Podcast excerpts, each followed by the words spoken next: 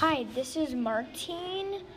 I am recording my small moment, the failed plan from Miss Hartzler's class, and here we go.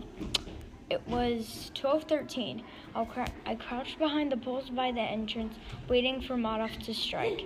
We were playing the dreaded game Infection with Zach, Zachary, Brody, Madoff, and I, Martine. I know Brody and Madoff are infected, but I don't know about the others, though. He walked away, but I knew he knew where I was. I he he looked at me every five seconds, which kind of gave it away. I thought about speeding to the others, but but that would cause Brody to come after me too. Hmm, I think I have an idea. I thought I thought let's spare the drama. Let's spare us both the drama. I ran out hollering, Let's spare the drama. I ran out to find the others, but all I could find but all I found was defeat. But tomorrow I'll go down in victory. Hi, I'm so excited to share my story of the roller coaster with you. Um, I'm in Miss Hartzler's class, and I'm very excited. I worked hard on this, and I hope you like it. I'm gonna begin now. The sun was shining, and I was bouncing up and down. When finally the guard opened the gate, and we walked through the castle and onto the machines. When the machines started to move, and in my head I was screaming, but what other people could see was me grasping my dad's hand as tight as I could. The machine started to move faster, and then whoosh, it flipped us upside down. I screamed at the top of my lungs. Scared as a ghost. Suddenly, the dragon statue opened its mouth and breathed fake fire. Again, I screamed, but this time I grasped my dad's hand even tighter. The machine started moving faster than before. I felt like I was flying. I started to loosen my grip, but I was still scared, and I still thought I was going to die. But it wasn't that bad. Then, as we went through the cave, I heard noises. I thought it meant we were done, but it didn't.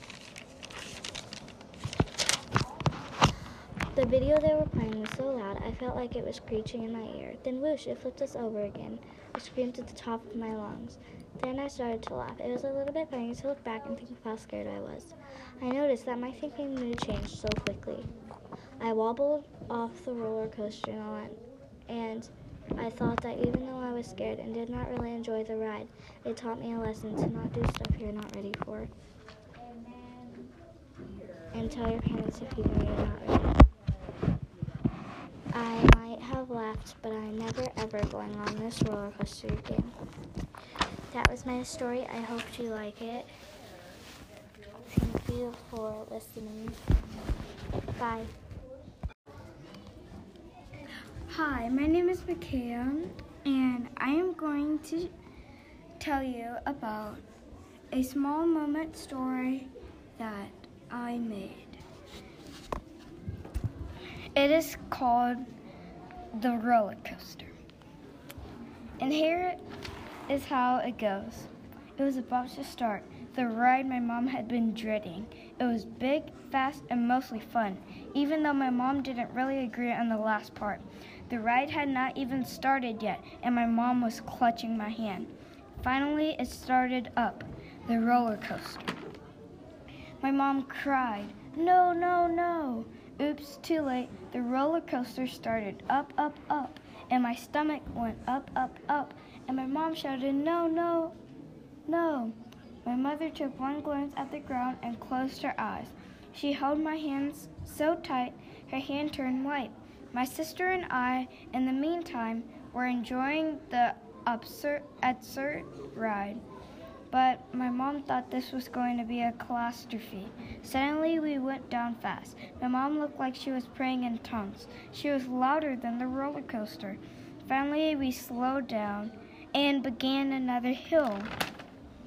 Sometime later, when I looked over at my mom and saw her face, it was as pale as it could get. You should also saw you should have also saw the way her face went when we slowed and came to a stop. Right away, she was so relieved. Then we got off and everything was good until Oh, mommy, look, another ride. My mom probably thought, "Oh no." Thank you for listening to my um, recording of my small moment. I hope you have a wonderful day. Hello, everybody. Today we are on iHeartRadio, and Sarah Lang will be here with us. Hi, I'm Sarah Lang, and I'm gonna show you my small moment.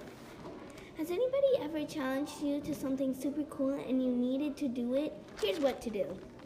Hey, a girl bellowed from behind me. I challenge you to a battle, she said. Jacob, Ricky, Mom, and Dad all sent looks at each other, but I didn't care. Sure, I challenged. We slowly inched to the battle arena, and on the board it said Family Battle. I could beat you, I bickered in my head aggressively. We're next, the shy little girl next to her softly whispered. I watched the family ahead of us, and Ricky and the dad were getting along just fine. Then it came to me. We're playing drawing charades, I gasped horribly. Dad freaked out. The rest stayed calm. We hugged him and he went to the sidelines. Next, the host eagerly said. As we went to the stage, everyone's eyes focused on us. I let my eyes wander around. I saw a table on both sides with a big sheet of paper with bright colorful markers. We got to go to the table, and then the host called one person from each team. So I ran up to the host. He whispered, he whispered a battle arena in my ear. But five minutes later, we were losing by two points. Then the weirdest thing happened. Ricky switch, switched teams. Everyone gasped. Immediately, I sucked in my gut and guessed. Wrong, wrong, wrong. Yes, we took the lead, running back and forth, heart pounding, hands drawing, and mouth whispering. Ding, ding, ding, the time ran out. Okay, everyone, the score is, the host said. A dolphin, Ricky said at the last second. Uh, well, uh, a tie at the last second, the host said. Oh, really? Huh? I thought ding, ding, ding meant the time was finished. Mom said in disgust. I joined her, but it was no use. Even though we tied, it was awesome. We got a free pass to a restaurant. We said good game and then left to wander over to another adventure. At the pool, we played, and I was reminded how memories last forever. Then I felt a tug at my shoulder. Great job, Sarah. We would like to see you next time on iHeartRadio. But for now, let's go. Um, hi. Um, I'm James, and I'm going to be doing a podcast on the accident, the story of Lorenzo, James, and Santiago. The accident. Oh, happy day, I thought as I was laying on the scooter. Little did I know it was going to change. I called Santiago, Get me! I shouted. He responded, No. All right, I said. Don't go left, Lorenzo, I thought. Boom, I said in alarm. He went left, didn't he? I started scooting to the teacher. When she came, Lorenzo blamed Santiago. Me and Santiago said, No, Lorenzo didn't look at the pole. She believed Lorenzo. He was a little devil, I said to myself. The rest of the day was a blur. Then we got into a big fight. We yelled, screamed, we told the teacher. Then we had to sit at poles for nine days in line. Wait, in line, I choose to con- sit, continue to sit at the pole. We had to stay apart, one front, one back. I learned not everyone's nice. I should not be the coconut, but the light post. Because when they push, if I'm a coconut, I'll fall and they'll get what they want. If I'm a light post, I won't fall and they won't get what they want. The end. James. Hi, I'm James. I'm nine in fourth grade. I was born on February 14th.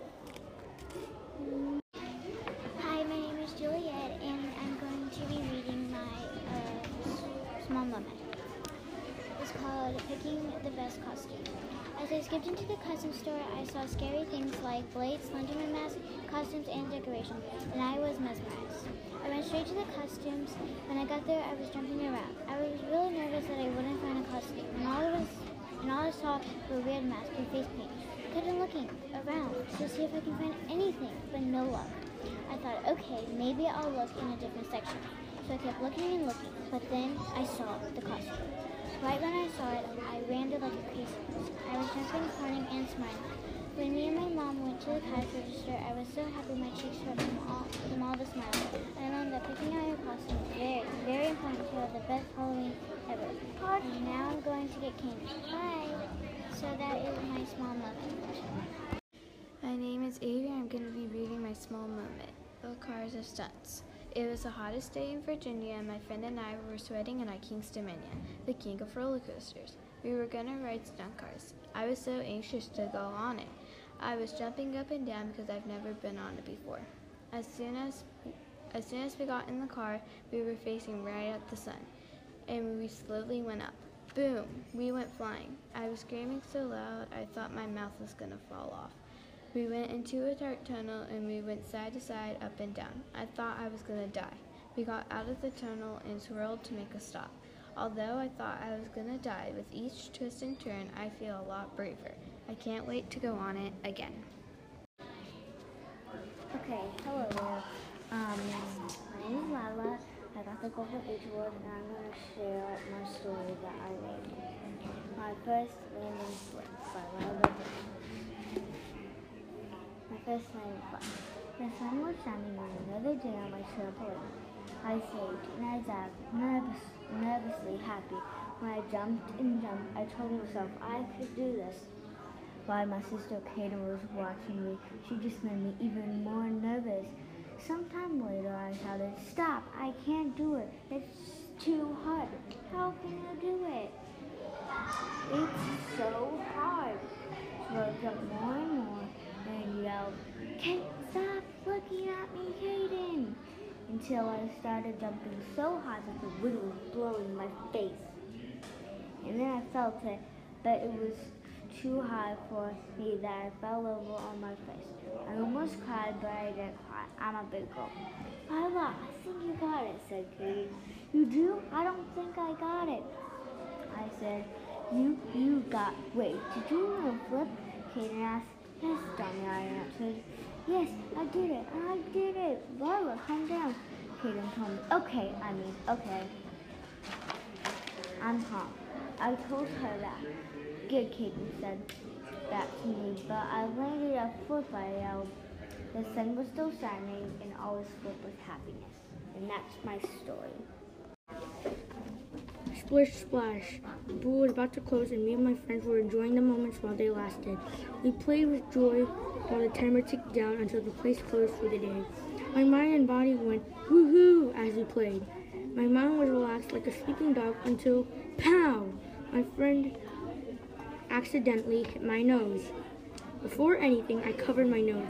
I whined, ow, while tears flooded my eyes. But don't worry, this isn't the first time my nose was hit. I felt pain on my nose, but now the pain was everywhere. I cried like a suffering donkey. After all those crazy events, I cooled my body down and, and I accepted my friend's apology. I played again, but this time I played cautiously like a living hard hat. I removed my frown and replaced it with a big grin. I thought to myself, what a crazy day. And I learned to be cautious when I play and just keep swimming. Hi. Hi. Our, Our names, names are are Maya and Anya. In Miss Hartzler's class, we started a podcast called We Heart Writing Podcast. In this podcast, we share our writing with others to show our progress in writing. This podcast is a great way for people like our parents, classmates, and people around the world to hear our progress in writing. When we hear others writing, it helps us know what we need to add in ours. Podcasts are fun to record and convenient for busy people to listen to our writing. Thanks for listening to the We Heart Writing podcast. Goodbye.